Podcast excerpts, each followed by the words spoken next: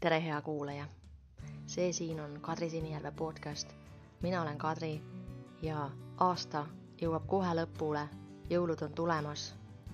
ja mul on väga hea meel, et ma olen saanud rääkida mitme erineva inimesega selle podcasti raames. on olnud nii eesti kui soomekeelseid intervjuusid ja ma olen väga tänulik nende kõikide jutuajamiste eest. uuel aastal jätkan sama hooga, aga väike erinevus on, et äh, sellist kokkuvõtvat saadet ma ei tee. et äh, kui, kui teen intervjuu kellegiga soome keeles, siis sellest eestikeelset versiooni, varianti ei tule ja iga teema, iga külaline on erinev ja niimoodi ma jätkan. ma alustasin oma podcasti tegemisega oktoobri lõpus ja nüüd detsembri lõpus on mul selline mõnus põnevus, et mis tuleb, kus suunas ma liigun selle podcast'iga, aga eks seda ole näha ja eks te kuulete ja kindlasti ma jätkan põnevate külaliste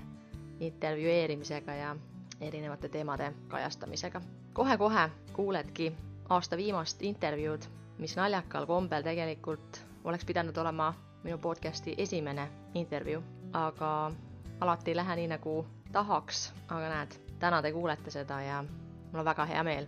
mul oli intervjuu Raunoga, kelle tegemistest, toimetamistest me rääkisime ja ma loodan, et sa saad jällegi mingit inspiratsiooni, mingit mõtteainet ja soovin sulle ilusaid algavaid pühi, kõigest hoolimata, kõigest sellest äh, raskest hetkeolukorrast, mis maailmas, Eestis, Soomes siin on seoses koroonaga, aga mõtleme ikka positiivselt ja hoiame üksteist, hoiame end, enda tervist, mõtleme endale, mõtleme teistele ja teeme neid asju, mis meile meeldib.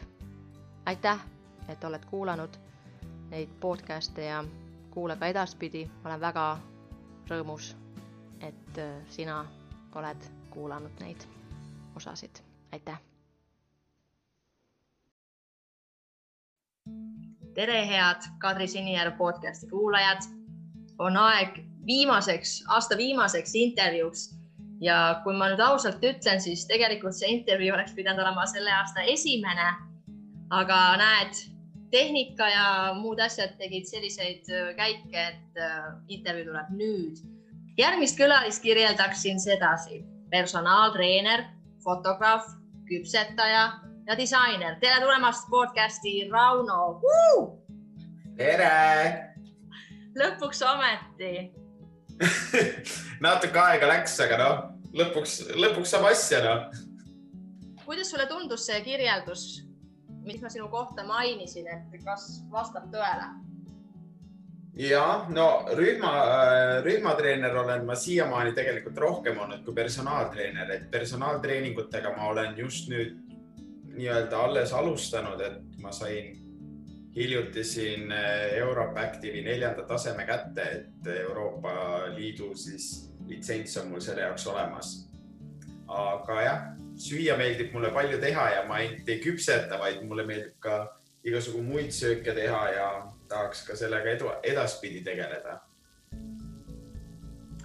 Äh, enne kui jõuame nende teemadesse lähemalt äh, tutvuda ja lähemalt rääkida, siis äh, mul on alati siin podcast'is selline esimene osa ja kolm küsimust ja kirjelda ennast kolme sõnaga, oleks esimene. ma olen enamjaolt hästi positiivne, ma olen perfektsionist ja ma olen hästi energiline jah, ma olen täiesti päri nende sõnadega. aga kas sa oled alati olnud äh, perfektsionist? no selle perfektsionismiga on noh, ütleme niimoodi, et äh, see on mul jah, kuidagi nagu lapsepõlvest saati juba tulnud ja tänapäeval on see natuke kahju, et see on nagu nii sisse juurdunud, sellepärast et kui midagi ei tule nagu nii hästi välja, kui ta peaks tulema, siis ma lähen noh, kergelt stressi, et ma ei, et miks see ei tule välja, et ma olen ju, ma oskan seda, ma tean, kuidas seda teha. Et äh, mis siis toimub, et miks see nagu ei toimi. et äh, noh, täna oli täpselt samamoodi, töötlesin pilte ja lihtsalt üks hetk äh, programm hakkab täiesti nagu lõpetab igasuguse töö ära, mitte midagi teha ei saa, siis ma tegin nii-öelda täiesti restardi arvutile ja see asi lõpuks lõppes sellega, et ma ei saanud ikka seda pilti töödelda nii, nagu ma tahtsin. võtsin teise pildi, sain seda, mis ma tahtsin, seda ei saanud ja siis mul oligi nagu, ma olen nii kaua sellega tegelenud ja ma isegi ei osanud nagu, isegi netist ei leidnud põhjust, et mis nagu toimub. aga midagi kaduma sul ei läinud siis? ei, ei kaduma ei läinud midagi, ma ei saanud lihtsalt äh, selliseid töötluseid teha, nagu ma tahtsin. teine küsimus oleks, et kuidas su tänane hommik algas?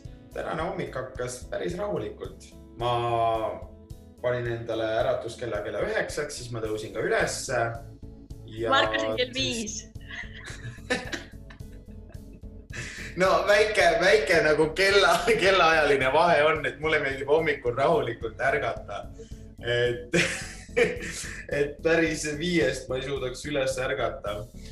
aga kui ma üldjuhul söön hommikuks putru, siis äh, täna ma tegin endale verikäkki ja praadisin muna sinna kõrvale mm,. selline hommikusöök, see on nagu jõuluteema või? See on minu jaoks jah. mingi jõuluteema, et kui jõulud hakkavad tulema, siis äh, õhtusöögiga mulle meeldib verivorsti süüa, aga verikäkk on minu meelest alati selline ideaalne asi, mis sobib nagu praemuna kõrvale ja siis ma olen seda nagu päris palju juba detsembrikuus söönud.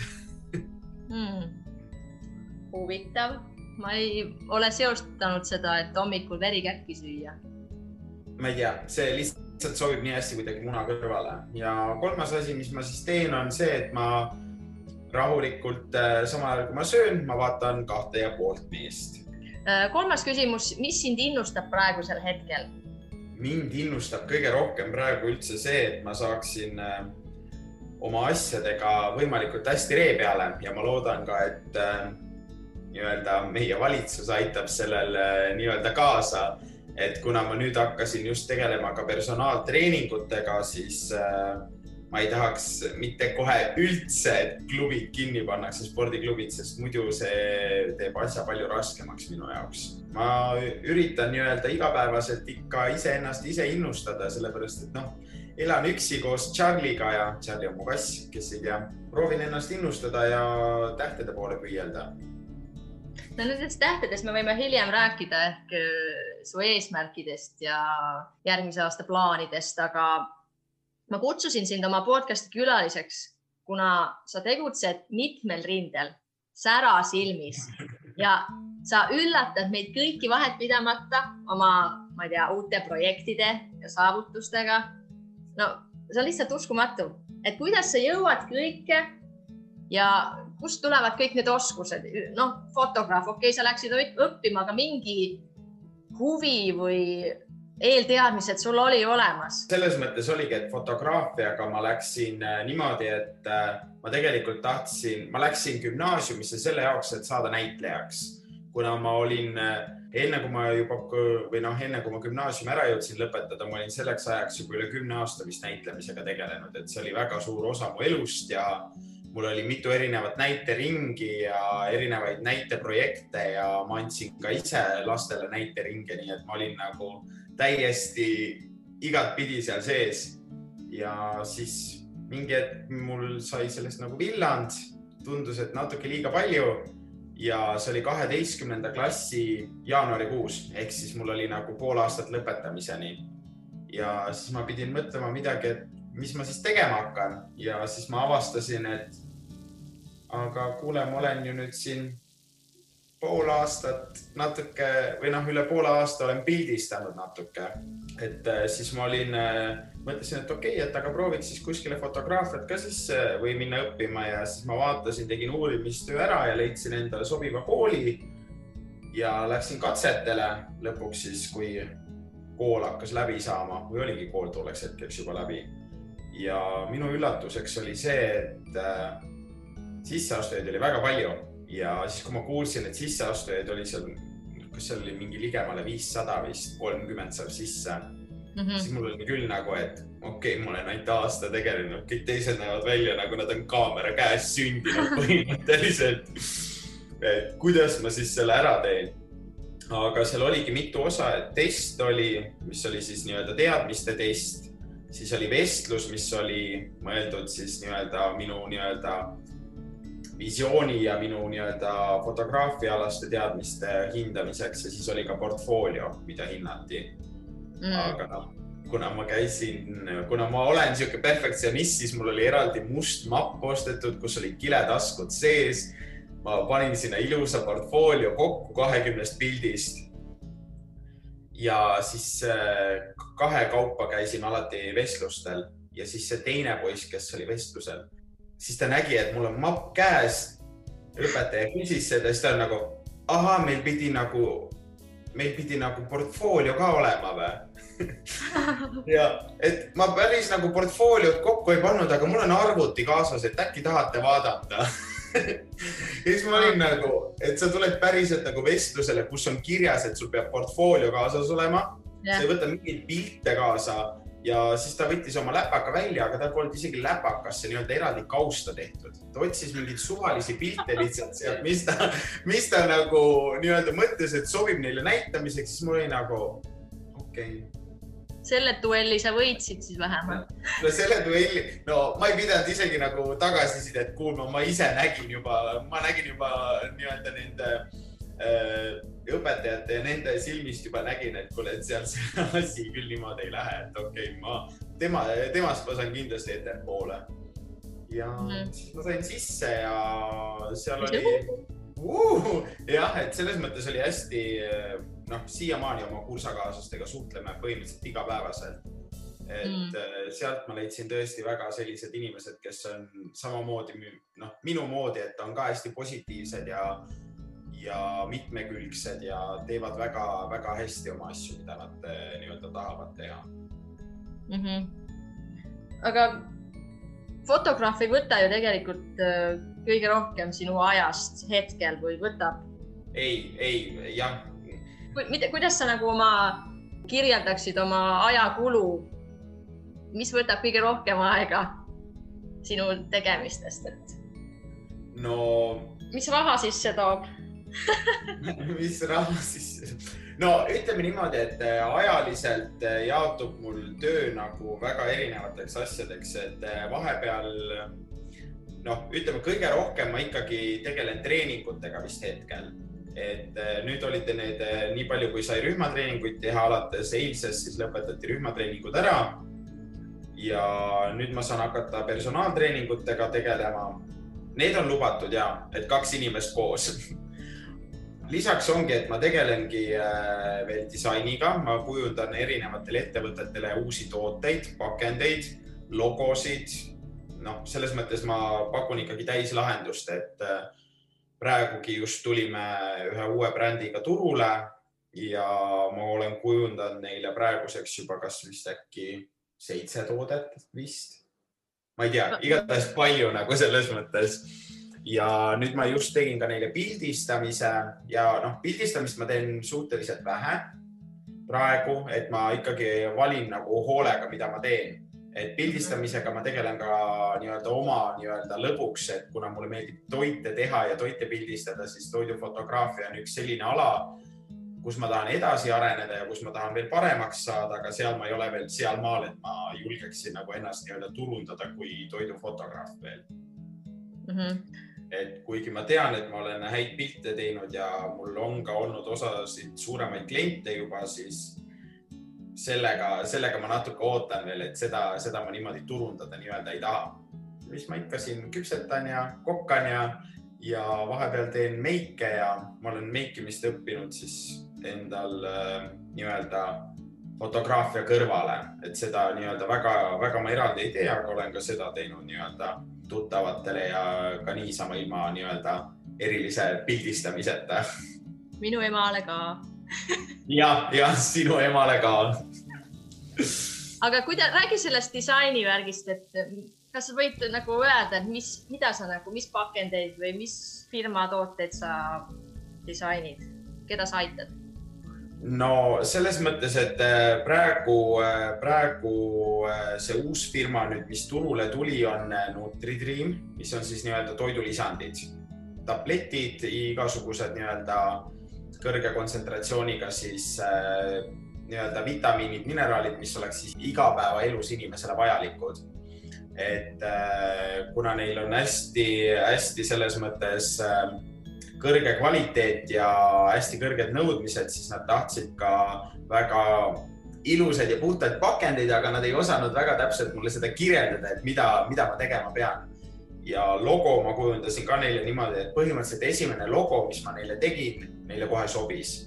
Et esimesena, noh, ma saadan üldjuhul, kui ma teen mingeid logosid või asju, siis ma saadan nii-öelda mitu logo korraga, et äh, inimene saaks kohe vaadata, et mis talle meeldib ja millises suunas me edasi, edasi võiksime liikuda. aga põhimõtteliselt see logo, mis ma tegin, siis see kohe nagu läks ja see nagu oli ja see nagu jäi ja sealt saime siis natuke veel muuta seda ja oligi põhimõtteliselt logo valmis, et sellega läks hästi kiiresti. ja siis tooted samamoodi. Teine, teine suurem bränd, kellega ma koostööd teen, on ka Be More Superfoods. sellega oled võitnud auhinna.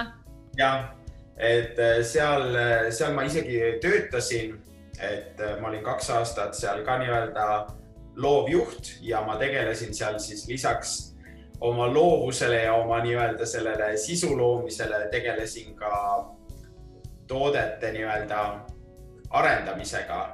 Et Be Active supertoidu batoon on tegelikult minu tehtud, pakend on ka minu kujundatud ja nüüd see Eesti parima toiduaine valimisel siis sellel aastal sai ka enda, enda kategoorias ühe toreda auhinna mm. -hmm. aga ma ei saa aru, kuidas sa nagu kus sa seda kõike õppinud oled, seda nagu kujundamist, toodete disainimist, kas see oli kõik seal fotograafia koolis? see on väga no. loov tegemine, et kas sa oled, kas sa pigem ütled, et sa oled ise õppinud või kooli kaudu või mis asja kaudu sa oled saanud seda? nojah, kui ma fotograafiat õppisin, siis meil tegelikult koolis olid ka nii kujundamise kui ka küljendamise õpped või nii-öelda kursused sees, ehk siis küljendamine on siis raamatute kujundamine, et kuidas need jo lehed jooksevad, kuidas illustratsioonid, kuidas kõik nii-öelda see nii-öelda need kolmsada lehte või viissada lehte või mis iganes, kuidas need jooksevad seal, et selle paneb siis äh, küljendaja paika. aga ütleme niimoodi, et äh, ma olen küljendust ka teinud ja ma olen ka kujundust teinud, aga no ütleme see, et mis ma koolis õppisin, see oli pigem selline pinnapealne. Et äh, see, mis ma koolis õppisin, see jah, see oli siuksed algtaseme teadmised ja sellised, noh muidugi, ega ma ei olnud enne seda programmi üldse kasutanud ja kui ma alguses pidin seda programmi kasutama, siis mul oli üldse nagu, et oh, laske mind maha, et äh, fototöötlus on või fototöötlusprogrammid on palju lihtsamad, et miks ma nendega ei või teha. et äh, enne ma kasutasin kogu aeg Photoshopi, nüüd mul on kogu aeg see, et ma ükskõik, äh, kui on vaja mingit kujundustööd teha, ma panen kohe Illustraatori tööle, sellepärast et minu jaoks see on nagu palju lihtsamaks läinud nüüd ja ma olen ka lisakoolitustel käinud, aga muidugi, eks ma olen ka ise õppinud ja nii-öelda ise nii-öelda tundma õppinud seda programmi, et äh, kus, mida ja kuidas teha, et nii-öelda saadagi maksimum võtta sellest, mis see programm tegelikult pakub. Ja eks ma niimoodi olengi neid äh, pakendeid kujundama hakanud, et see tuligi niimoodi sujuvalt kuidagi. kas sa käid nagu poes ringi vaatad, et aa, kuidas see on kujundatud, et ma teeks palju paremini või oh, päris hästi tehtud, et võtaks siit ka nagu mingit snitti no.? kusjuures jah, no tegelikult ütleme niimoodi, et äh, kui ma poes vaatan, siis enamus nii-öelda kujundused on siuksed hästi lihtsad, aga mitte nagu head lihtsad, vaid nad näevad välja lihtsalt nagu odavad lihtsad et äh, selle, selles mõttes jah, mul on nagu jah, selles mõttes mul on, äh, kuna ma olen ise ka hästi kriitiline, siis ma panen ka neid kõiki asju seal nagu millimeetri täpsusega paika, et mul on just oluline, et kõik olekski ilus ja kõik oleks nii, nagu peab olema. et selles mõttes mulle meeldib jah, kui kõik on nii-öelda ka visuaalselt ilus, mis ei ole minu tehtud mm. -hmm. et mitte see, mitte ma ei taha muidugi seda öelda, et kõik firmad teevad eh, halba tööd, aga no ütleme niimoodi, et osad asjad võib-olla võib jääda ka nii-öelda kliendi taha, et kui inimene ei oska tellida, siis ei tulegi nii ilus, kui võiks tulla, et siis tuleb lihtsalt kujundajal olla natuke rohkem ise initsiatiivikas. aga kas firmad on leidnud sinu või sina oled leidnud firmad, et kui palju sa pead ennast nagu push ima, no selles mõttes tegelikult ega siin äh, firmad on tulnud ka nii-öelda ise, nad pigem ise kirjutavad mulle. ja siin on ka muidugi oleneb nüüd see, et kuna Eesti turg on suhteliselt väike, siis mulle tuli veel üks nii-öelda üks äh, uus firma tuli ka nii-öelda minu juurde ja hakkas rääkima minuga, küsima ja siis, äh, kui ta lõpuks sai teada, et ma olen äh, selle firma konkurentidele teinud pakendeid, siis nad lõpuks olid nagu, et aa, et kas te töötate seal või? siis ma olin nagu, et ei, ma, ma ei tööta seal, et ma olen lihtsalt pakendeid kujundanud neile mm. -hmm. ja siis rohkem ma neist väga ei kuulnud, kuigi nad ise ütlesid, et nad olid väga huvitatud ja vaatasid mu töid ja, ja selles mõttes nad olid väga huvitatud, aga ütleme nii, et eh, väga nii-öelda otseste konkurentidega ei taheta tööd teha. et noh, selles mõttes noh, eks ma saan aru, et ega kõike ei tahetagi koos teha, aga peabki midagi valima ka noh. et sa oled nagu suutnud ise ka ära öelda, et kõike ei võta vastu ja kõik ei sobi sulle ja. ja, ja, ja et seda kindlasti, et noh, kui üldse tööd teha, siis sa ei, sa ei saa tööd teha, mida sa ei armasta, et muidu lõpuks noh sa ei peaks ennast sundima nagu tööd tegema, minu puhul on just see, et ma tahan oma tööd teha. et äh, tihtipeale on ka see, et kui ma näiteks trennidesse lähen, inimesed mõtlevad ka, et sa teed mitu trenni järjest, kuidas sa alati nii rõõmus ja nii õnnelik nagu oled ja kuidas sul energiat üldse on. aga see ongi see ju, et kui mina annan neile, siis nemad annavad mulle ja mulle meeldibki see, mis ma teen. Et kui mulle meeldiks, mis ma teen, siis ma ei teeks seda lihtsalt, aga noh, on kahjuks ka inimesi, kes teevad tööd, mida nad ei armasta ja siis otsivad lihtsalt midagi muud, mida võiks teha. aga selle asemel, et leida midagi muud, siis nad lihtsalt vinguvad, et ah, kuule, mulle ei meeldi see, aga noh, ma ei, ma ei oska nagu midagi muud ka teha, aga otsi siis, mis sulle teha meeldib sulle võib-olla, võib-olla meeldibki mitu asja korraga teha ja meeldibki sihuke multitask imine, nagu mina teen. Rauno, ütle, meil kõigil on kakskümmend neli tundi päevas, mõned ei tee peale, ma ei tea käivad tööl ära ja istuvad teleka ees terve õhtu ja nad ei tee mitte midagi, aga mulle tundub, et sa seal diivanil ei istu väga palju üldse, et kuidas sa oma aega planeerid, kuhu sa kirjutad oma päeva eesmärgid, kas need on peas, märkmikus või telefonis? et avalda saladus no ütleme niimoodi, et tegelikult, kui ma eelnevalt käisin äh, veel kontoris töötamas, siis, siis oli küll kohati niisugune tunne, et ega mul jääb aega väheks. et äh, see oligi see hetk, kus ma töötasin äh, niimoodi, et põhimõtteliselt võib-olla tegin hommikul trennid ära, siis läksin kontorisse, peale kontorit läksin uuesti kohe trenne andma ja lõpuks oligi see, et võib-olla ma jõudsin, noh, hommikul mõni hommik ärkasin seal kuskil mingi enne kuute ülesse ja õhtul jõudsin üheksa või kümme koju. et äh, ja siis on vaja veel nagu oma elu ka kuidagi elada ja siis lõpuks magadki võib-olla õhtul sihuke või öösel neli-viis tundi. aga noh, see ongi see, kus sa pead aru saama, et see ei ole nagu normaalne, et nüüd ma olen õnnelik, et ma saan oma kaheksa tundi iga päev täis magada või rohkemgi, onju ja ma saangi nagu oma päevast rohkem võtta ja ma saan seda nautida, mida ma teen. praegu on jah selline, et ütleme ausalt, et eh, mu uue aasta eesmärk on see, et ma paneksin endale rohkem tegevuskavasid kirja. et eh, ma pean endale konkreetselt vist märkmikku ostma, sellepärast et ma tahangi nii-öelda hakata panema paika, et mis päevadel ma millega tegelen ja kui palju ma selle jaoks aega kulutan, sest praegu on nagu see, et eh, kui niisugust päevaplaani või niisugust ei ole ja sa teed nagu oma neid asju, mis sa pead tegema, sa tegeledki ainult nende asjadega, mis on kiire, mis on vaja nagu kohe ära teha, aga samas need asjad, mis sa võiks kogu aeg nagu taustal teha, need jäävad nagu tegemata. ja siis sa lõpuks oledki, et ah kuule, see jäi jälle tegemata. ah, ma teen, ah, ma teen seda järgmine nädal, onju. noh, ja siis see lähebki iga nädal edasi, et nüüd ma olen sellest aru saanud, et noh enne ma elasin nagu autopiloodi peal, mul oli iga nädal põhimõtteliselt täpselt samasugune mm. -hmm. tegid kõiki oma asju nii, nagu sa pidid tegema ja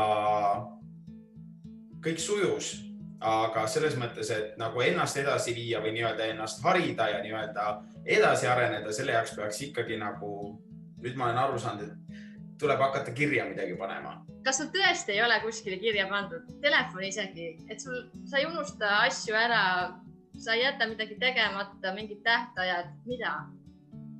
ei, ei. nagu telefonisse ka ei pane? Telefonisse ma panen ainult arstiajad, aga need mul on ka üldjuhul nagu kõik nagu peas kuidagi kinni. et mul, ma olen küll lugenud seda, et ei tohi kõike peas kinni hoida, et äh, siis ei saa tegeleda nende asjadega, mis on vaja tegeleda, onju, et ei saa aju puhata. aga noh, kui mulle jääb see meelde, mis ma siis teha nagu saan, et nagu kui mulle jääks meelde, siis ma hakkaks neid kirja panema, aga noh, ütleme niimoodi, et praegu on küll nagu kõik on väga hästi sujunud, et nagu mul nagu selles mõttes mingite nii-öelda, nii-öelda nende kuupäevadega küll mingeid probleeme ei ole, et ma jääks kuskile nagu midagi jääks tegemata või ma jääks kuskile hiljaks või midagi nagu sellist mm. -hmm. me oleme praegu või me oleme palju rääkinud sinu nagu nii-öelda töödest ja tegemistest. millega sa vabal ajal tegeled või mida sa nagu vabaks ajaks nimetaksid või nagu? ma, ma isegi ei tea, kas ma nimetan enam küpsetamist vabaks ajaks, sellepärast et see on ka nagu, no konkreetselt, kui ma noh, ma üritan äh, nii-öelda retsepte välja töötada enda jaoks, mis ongi head ja mis nagu toimivad, siis ma ei saa seda öelda, et see oleks tegelikult nagu vaba aeg et noh, muidugi ma võiks selle kirja panna, onju, et ma peaksin retsepte tol päeval tegema, aga see on ka kuidagi tulnud niimoodi loominguliselt, et ma tean, et ma mõtlen, oh, täna mul on aega, täna ma teen retsepte. ja siis ongi nagu, et see kõik tuleb kuidagi siukest nagu loomingulist teed pidi, et äh, minu, minu jaoks sihuke vaba aeg on tegelikult siis, kui ma olen, istun lihtsalt niisama teleka ees ja ma ei pea mitte midagi tegema no kui, kas sul on iga päev selliseid olukordi või kui tihti sul on selliseid hetki? No ütleme niimoodi, et päeval, päeval mul sihukest hetke ei ole, et see on pigem ikkagi õhtul, kui ma näiteks treenidest koju tulen või midagi või siis hommikul, kui ma hommikusööki söön. et äh, minu jaoks sellist nagu vaba aega rohkem ei ole, aga ma panengi nad üldjuhul kokku, et ma söön, ma vaatan telekat, siis ma saan oma asjad nagu ära tehtud mm. -hmm. ja noh, selles mõttes ütleme nii, et vaba aja sisustamine on ka mul väga hea, mis mulle meeldib, on see, et saaks sõpradega kokku ja saab lihtsalt nagu juttu rääkida, sellepärast et kuidagi noh, ütleme niimoodi, et kui sa oled kogu aeg sihuke tegus ja tegeled kogu aeg saja asjaga, siis inimesed jäävad veidike nagu kaugeks ja võõraks. et eh, kui keegi nagu pakub, et saame kokku ja mul on nagu vaba aeg, siis ma olen muidugi, et saame kokku, ma tahan, ma tahan sind nii näha, onju. et pole nii ammu näinud. et eh, see on minu meelest üks nagu üks parimaid asju, mida üldse oma vaba aega ette võtta, et noh, muidugi praegu on igasugused piirangud peal ja väga paljudesse kohtadesse minna ei saa või siis tuleb väga ettevaatlik olla, aga nagu minu ideaalne nii-öelda vaba aeg oleks see, kus ma saaks olla inimestega koos ke,, ke, keda ma tõesti armastan ja kes mulle meeldivad ja kellele mina meeldin ja saab vabalt ennast tunda. ja kellele sa siis pakuksid oma küpsetisi või süüa, et ma arvan, ma olen aru saanud, et sa oma lähedastele või sõbrannadele, sõpradele teed mingeid kõrgutisi kas te teete koos või oled sina see peakokk? üldjuhul ma, ma, ma, ma lähen suhteliselt kergesti närvi, kui ma pean kellegiga koos süüa tegema, sellepärast et mul on nagu see kindel rutiin sisse tekkinud, et kuidas midagi tuleb teha. et kas, kas peab olema nagu konkreetselt, et kas sa oskad sibulat hakkida või sa ei oska ja kui, kui ma näen, et ei oska, siis pigem on nagu, kuule, anna see nuga mulle, et ma hakin ise vaata mm. -hmm. et, äh, et selles mõttes äh, nüüd oli just siin äh, eelmine nädal me saime kursakaaslastega kokku, kellest ma ka enne rääkisin. et äh, me teeme iga aasta piparkooke ja siis oligi nagu see, et me leppisime kokku, et äh, teeme nüüd siis piparkoogid, aga teeme äkki seekord niimoodi, et Rauno ostab kõik asjad ära. et teie ei pea mitte millegi muuga tulema, võtke ainult endale joogid, onju ja klapime selle raha niimoodi ära, et ma ostan kõik poest ära, ma valmistan kõik ära ja siis kõik koos sööme. jah, ma ise pakkusin seda, sest mul, mul oli jälle sihuke tuhin sees, et ma tahaks midagi, mingeid retsepte teha ja midagi nagu proovida ja katsetada. ja siis äh, nad olid nõus sellega ja ma tegingi lõpuks, äh, ma tegin väga palju süüa, et äh, et ma tegin noh, pearoaks ma tegin ikkagi pardikonfit ja tegin sinna kõrvale krõbekartuleid ja, ja siis ma tegin punase veiniga astme sinna kõrvale ja siis autasin veel kapsaid ja peeti ja mis iganes sinna teha sai. kõht tühjaks ja kõige naljakam oligi see, et äh, alguses äh, kõik olid nagu, no eks me proovime, onju aga noh, ütleme niimoodi, et no pearvastega väga midagi alles ei jäänud. see, selle, see, see hävitati päris kiiresti ära, et see, see läks jah, päris nagu korralikult.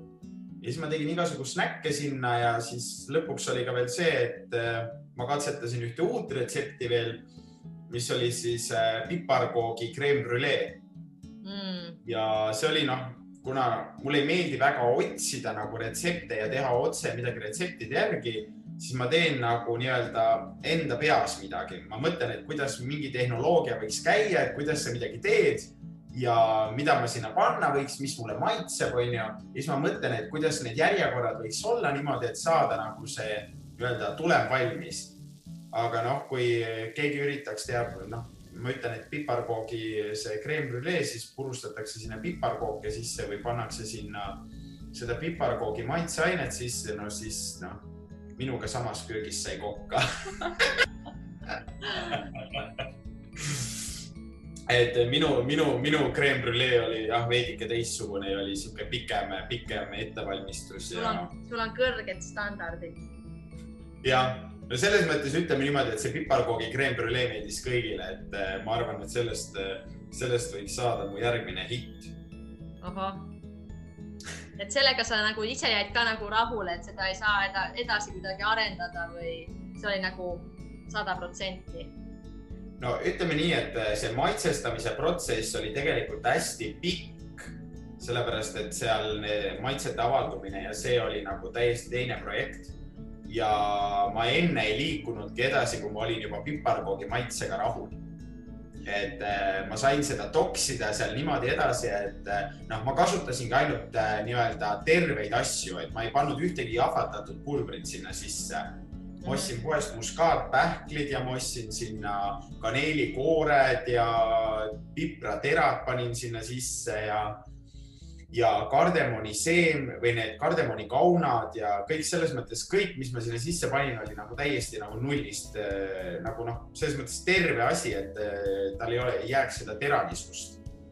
ja lõpuks, kui ma selle nagu maitsesin ja siis mõtlesin, et kuule, see on päris hea jah ma olin, ma olin ise ka nagu šokis, ma ei arvanud, et see tegelikult nagu nii hästi välja tuleb, sest see tundub nii nagu klišee, et kes see teeb üldse nagu piparkoogi creme bruleed ja tegin ära ja, ja siis jah, jah, ja siis äh, kõik olid sillas ja noh, ütleme Aga... nii, et see oli.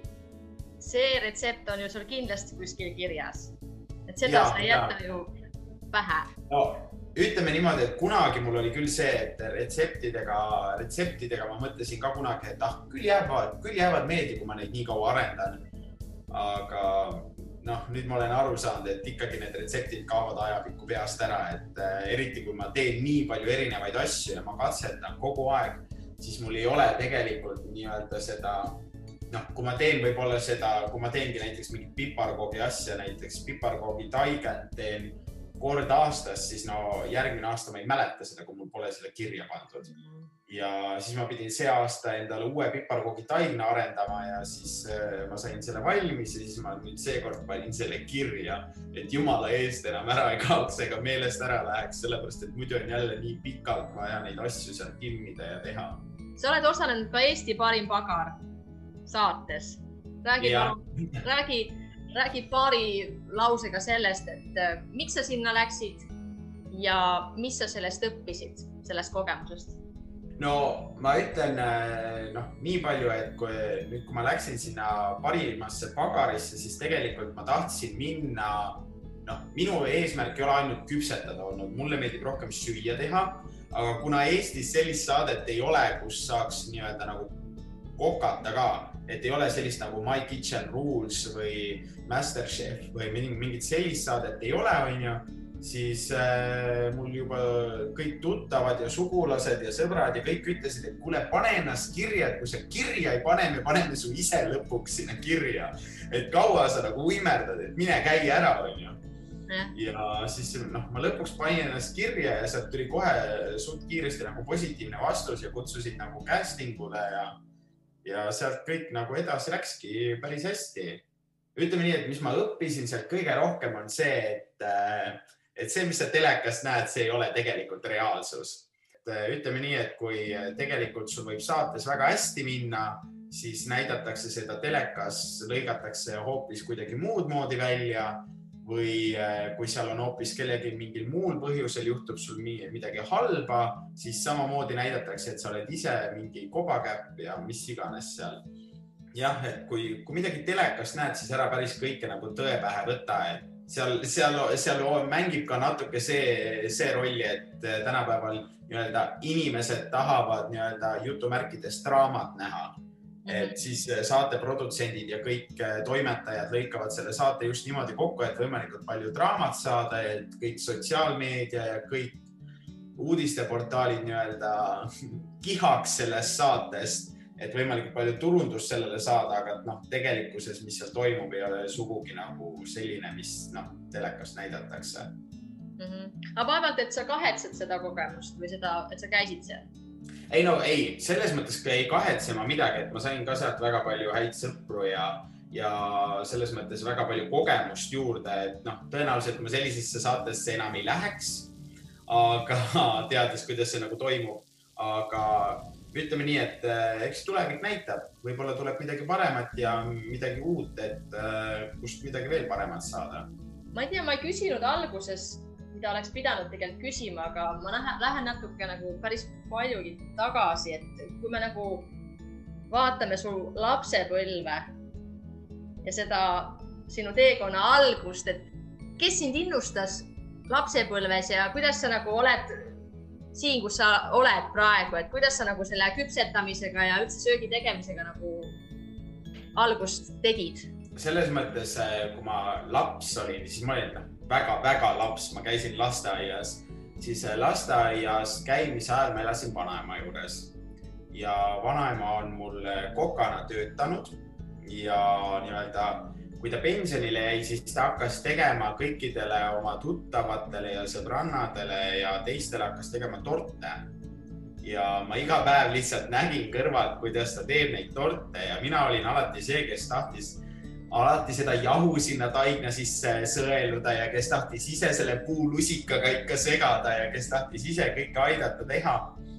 ja siis äh, vanaema oligi nagu, et. Need mingid meetrised tordid suured no,. päris meetrised ei olnud, aga ta tegi seal vahest küll ikka siuksele mingile viiekümnele inimesele ja nii, et äh, need tordid olid ikka, kohati olid ikka väga suured. selle, selles mõttes, kui mina olin seal sihuke viieaastane pätakas, siis noh minust, minu suurused tordid olid, onju, ja, ja mina olin nagu seitsmendas taevas, et kogu aeg saab võikreemi ja igasuguseid kreeme süüa ja torti teha ja, ja eks ma sealt vanaema kõrvalt tegelikult oma esimese biskviittordi tegingi kuskil kuueaastaselt ära juba. et noh, vanaema mind päris üksinda nagu ei jätnud, et ta ikkagi aitas ahju panna või need vormid ja ja aitas nii-öelda nagu selles mõttes, aga mu ülejäänud ma tegin kõik ise ära, et ma selles mõttes õppisin ta kõrvalt hästi kiiresti. kuna ema sai aru, et mulle meeldib süüa teha, siis ta, eks ta kasutas ise ka natuke seda ära, et aga sa tahad süüa teha, tee siis sina täna süüa, onju. ja, ja niimoodi ma siis tegingi oma terve lapsepõlve kogu aeg süüa tervele perele, et, et sellepärast ma võib-olla olengi nii nagu sina peal köögiga, et noh kahju on tegelikult vaadates, kuidas inimesed ei oska endale praemunagi teha, et eh, noh, millest me nagu räägime. et eh, tänapäeval osadel inimestel ei ole kööki kodus, et võib-olla külmkapp on ja mingi noh, isegi ahju ei ole, et ainult pliidiplaadid on, no mis köök see on? minu unistus on ikka sihuke suur ameerikalik köök, kus on ikka köögisaar ja kus saab ikka laiutada ja kus saab kõike teha niimoodi, et on ruumi ka mitte mingi väike uberik, kus äh, põhimõtteliselt peab olema nagu ma ei tea, kuskil, ma ei tea, mingi koridori vahekäigus no.. aga endale siis ikka kokkad ka või sööd kuskilt äh, restoranist või? no selles mõttes praegu ma teen äh, sööke, sööke ma teen niimoodi, et ma tahan hakata jälle ise rohkem natukene katsetama sellepärast, et nüüd mulle saadeti ka Santa Maria poolt üks suur kastike, kus on hästi palju asju sees. et äh, seal oli nagu hästi palju asju ja hästi palju maitseaineid ja et see, sellega ma tahan kindlasti katsetada, sellepärast et seal on väga palju just Aasia maitseid, mis ma, millega ma ise tahan ka hakata tulevikus natuke rohkem tegelema. et ma tahan ise nii-öelda viia ennast ka natuke rohkem Aasia köögiga kurssi, sellepärast et kui sa lähed kuskile välja sööma, mis nii-öelda nimetab end Aasia restoraniks ja seal on see magus, magus ja nii-öelda natuke terav kaste, siis noh, see see, see ei ole päris see, ma arvan, mis tegelikult Aasias pakutakse. see on enam-vähem samamoodi, kui ma keedaksin endale spagetid ära ja siis ostaksin poest selle magusa tšilli kastme ja siis ma paneksin selle sinna nuudlitele peale ja viskaksin paar kanatükki sisse ja ongi nagu roog valmis. et ma tahaksin ise pigem hakata jah, asju nagu nullist tegema ja ma tahaksin ka mõista noh, söögi tegemisel ongi mul oluline see just, et ma mõistaksin, et miks ma panen sinna midagi. mille jaoks on seda vaja, et ma, ma ei hakka mingit äh, toorainet sinna retsepti panema, kui ma ei tea, miks teda on sinna vaja. kui sa tead seda, siis sa saad sellega mängida ja sa saad retsepte ümber teha ja sa saad nii-öelda võib-olla asendada just nendega, mis sinule rohkem sobib. aga kui sa ei teagi, mis, mille jaoks sa midagi kasutad, siis noh, polegi sul midagi teha on sul nagu eeskujusid Eestis, välismaal, et äh, kelle käekäiku sa jälgid? ma ei jälgi tegelikult vist ühtegi toidutegijat, et selles mõttes mul ei ole otsest nagu eeskuju. ma küll äh, nii-öelda, ma nii-öelda küll vahepeal äh, loen ja vaatan, et kes midagi teeb või midagi sellist, aga nagu otseselt nagu seda, et ma nüüd jälgiks kedagi igapäevaselt, sellist asja ma ei tee söögi tegemine on minu jaoks lihtsalt nagu natuke midagi enamat kui lihtsalt nagu selline noh, ta ei ole lihtsalt nagu see, see, et ah, teeme ära, siis on tehtud, onju.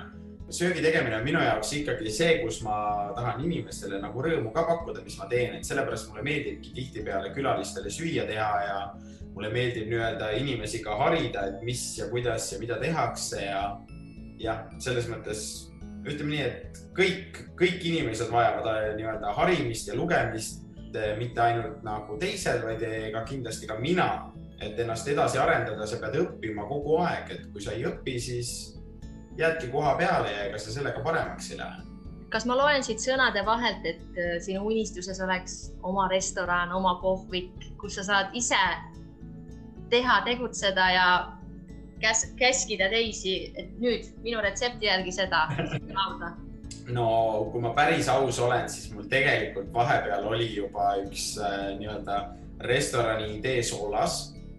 Aga see asi ei läinud päris nagu sinna, kuhu ta pidi minema.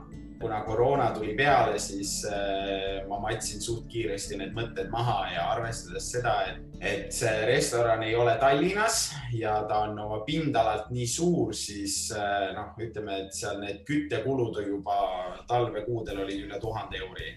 Sinna lähevad veel elektrikulud juurde, veekulud juurde, et noh, selles mõttes see on ikkagi noh, ütleme nii, et seal see, see ei ole nagu päris selline koht, kuhu nagu lihtsalt nagu peale lennata, et davai, teeme ära.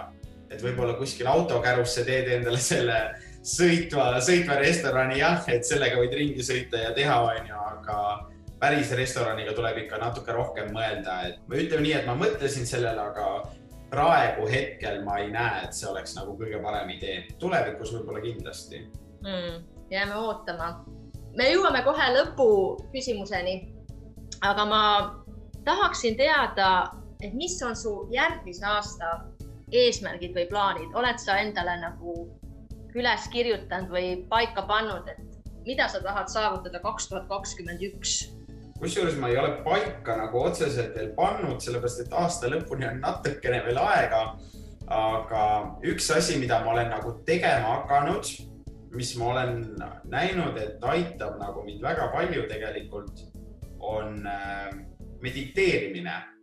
et ma konkreetselt ma lähen äh, õhtul vanni, ma lasen sinna kuuma vee sisse, ma panen sinna igasugused need mingid värgendused sisse, mis äh, ajavad neid mulle ja asju. ja ma panengi meditatsiooni tööle ja ma istungi seal vannis, ma kuulan ja siis ma mõtlen kaasa, et mida teha, mida muuta, mida saaks paremaks, et kuidas ise areneda. ja nüüd ma saingi nagu sellest aru, et äh, kõigepealt ma tahaksin järgmisel aastal ka kindlasti areneda ise rohkem, et äh, nii-öelda taluda nii-öelda ka neid äh, stressi paremini ja kõige, et nagu selles mõttes ise inimesena saada veel nagu nii-öelda täiskasvanulikumaks, et mitte, et ma oleks praegu mingi noor tatt, aga, aga selles mõttes, et ma tahaksin jah, just nagu õppida oma emotsioone veel paremini nagu kontrollima, et äh, ma ei läheks iga väikse asja peale nagu leili või ma ei hakkaks äh, midagi rääkima kohe, vaid ma mõtlengi nagu asju nii, nagu nad on. Et järgmise aasta plaanidest on äh, see kindlasti, et enese nii-öelda, enese nii-öelda leidmine ja valitsemine oleks veel parem ja tegelikult ka asi, mis äh, mul järgmise aasta eesmärkidesse kindlasti mahub, on mul see personaaltreeneri nii-öelda äh, personaaltreeneri tööga tegelemine, et ma tahan ka kindlasti sellega korraliku alguse ära teha ja panna nii-öelda alustala nii-öelda pikale karjäärile. Et äh, see on tõesti see, mida ma tunnen, et ma tahaksin teha, et mulle meeldib inimesi aidata ja ma tahan aidata inimestel nii-öelda kas kaalu alla võtta või inimestel nii-öelda aidata lihtsalt eh, lihast kasvatada või täpselt see, mis neil nagu otse, otseselt vajalik on. Eh, selle inimeste aitamise osas on ka tegelikult üks kolmas eesmärk, mis eh, tõenäoliselt tuleb siin jaanuaris välja. Aga mis nagu täpsemalt on, sellest ma veel nagu rääkida ei saa. see tõenäoliselt tuleb üks väga pikaajaline projekt ja need, kes mind jälgivad, saavad sellest ka varsti-varsti teada. jälgivad tänavatel või jälgivad tänavatel jah. järgmine aasta on see personaaltreeneri töö kõrvalt on see üks minu põhifookus. et äh, sellega ma tahan uuel aastal alustada nagu täiesti uue hooga ja panna nagu kohe alguses nagu võimalikult palju energiat ja no ütleme ausalt, sinna läheb ka ressurssi päris palju sisse, et et sellepärast ma loodan, et see inimestele ka meeldib ja inimesed on ka nii-öelda altid ja tahavadki see rohkem nii-öelda rohkem iseennast arendada ja rohkem ka minuga koos nii-öelda õppida võib-olla midagi uut. Mm.. Mul on väga hea meel kuulda, et sa nagu tahad tegeleda nagu enda mõtetega ja mediteerimisega, et väga harva nagu, ma ei tea, inimesed ei väga ei nagu ütle otse välja, et ma tahan endaga tegeleda või endaga nagu selgusele jõuda, et mida ma teha tahan ja kuhu, kuidas nagu elus hakkama saada, et.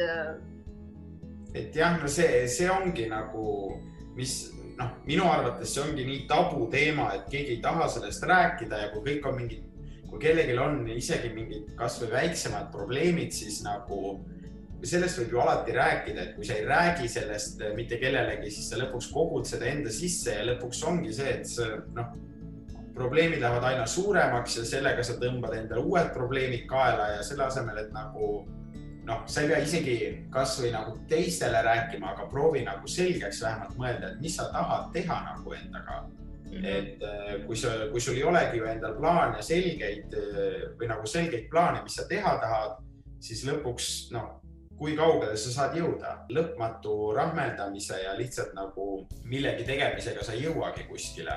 et sa pead ikkagi kõiki, kõik oma sammud läbi mõtlema, et mis sa tahad teha ja kas see läheb nii-öelda sinu eesmärkidega kokku.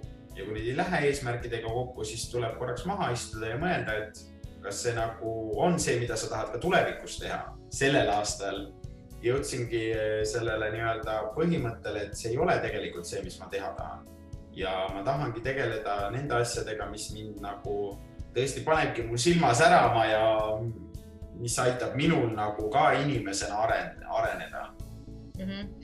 Kas sa loed ka raamatuid, neid erialaseid raamatuid just, ma ei tea, mediteerimise kohta või ma ei tea, eesmärkide saavutamise kohta või ma ei tea, enda kogemus, elukogemus, internet?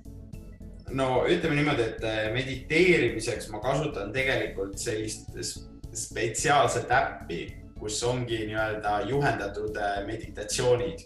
Neid ma kasutan, et raamatuid mulle kahjuks väga lugeda ei meeldi. võib-olla ma uuel aastal saan nagu, saan võib-olla ka selle kuidagi endale nii-öelda paremaks ja saan kuidagi nagu sellele mõttele, et ma võiksin nagu natuke rohkem lugeda. lugemine aitab kindlasti väga palju ka nii-öelda oma sisemise endaga rahu sõlmida. väga palju kogemusi saab ka raamatutest, eriti just elulooraamatutest, et olla nii-öelda asjadega kursis ja, ja mõelda ka ja leida endale seoseid raamatutest. Kindlasti ka harimise eesmärgil, et mitte ainult siin mingid eluloolugusid ja mingeid novelle lugeda, vaid ikkagi ka harida ennast eh, vastavates teemades ja ka mitte, miks mitte kultuuris ja, ja üldse maailmas.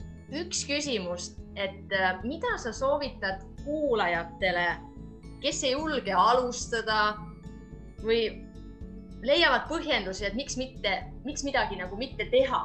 et on inimesi, kes, ah, ma ei viitsi, ah, ma ei tee, ah, võiks ju trenni teha aga mul pole aega või mul pole trenniriideid või no mida iganes. see ei ole ainult, ainult trenniga seoses, et äh, mida sa soovitad kuulajatele öelda?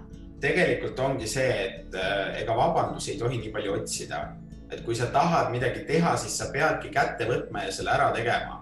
kui sa tahad midagi saavutada, siis selle nimel sa pead ka töötama. Kui sa tahad paremat töökohta saada, siis sa pead ennast selle jaoks harima, sa pead selle jaoks kogemust omama, et üldse mingit vastavat kvalifikatsiooni saada või kasvõi nagu kogemus, töökogemus on väga oluline. aga kui sul ei ole nagu oskusi ega töökogemust, siis sa ei saa ju kohe juhi kohale kandideerida. et see on samamoodi ja trenni osas ka, mis mina olen nagu enda jaoks mõelnud, on see, et äh, ma, millest ma ei saa nagu aru, arvestades eriti, kui inimesed lähevad näiteks spordiklubisse. spordiklubi on võib-olla sihuke kilomeeter eemal yeah. ja enamus lähevad sinna autoga. ja siis öeldakse, et aga parkimiskohti ei ole ja okei okay,, tuleb trenni ja siis ta läheb jooksulindi peale jalutama.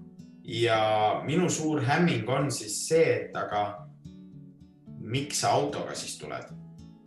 kui sa nagunii juba jalutad, et miks sa siis nagu õues ei jaluta? sa võiksid selle nagu sa võiksid nagu loodust hoida, sa saaksid ise tööd teha, sa saaksid oma eesmärgile juba lähemale ja sa saaksid võib-olla jõusaalis hoopis midagi muud teha, selle asemel, et jooksulindil kõndida.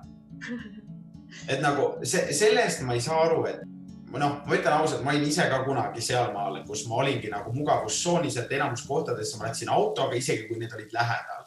Aga praegu ma olen sealmaal, et eh, kuna ma elan eh, väga hea asukoha, väga heas asukohas, kus mul on enamus asjad lähedal, ma saan vabalt kõndida ükskõik kuhu ma tahan. Ja mõelda sellele, et aga autoga saab ju kiiremini aga kuidas sa saad kiiremini, kui sul autosõidule kulub aega, onju, sa istud valgusfooride taga, siis sa otsid endale parkimiskohta, parkimiskohta ei saa, siis sa sõidad kuskile teise parkimiskohta ja lõpuks ongi see, et sul kulub tegelikult jalutamisele täpselt sama aeg, mis kulub sulle äh, nii-öelda autosõidule. esimene samm on see, et diivanilt üles saada. teine samm on see, et hüljata auto ja minna trenni auto, autota.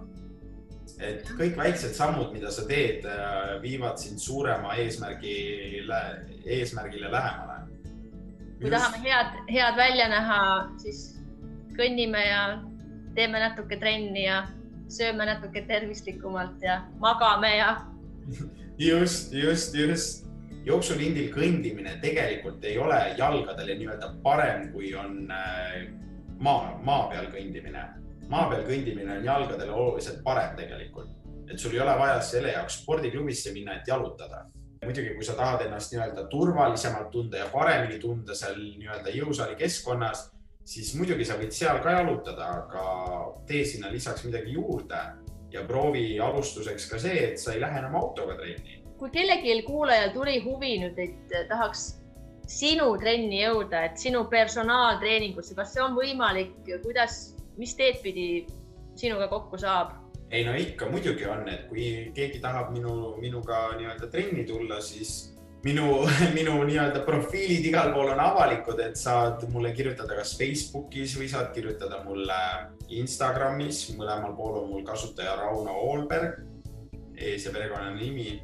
kirjuta mulle julgelt, et esimene samm on juba kirjutamine, teine samm on juba see, et oledki juba lähemal oma eesmärgi nii-öelda alustamisele eesmärk on muidugi kõigil ilusti peas olemas, aga kui selle poole ei pürgita, siis ega sinnapoole ei jõua ka.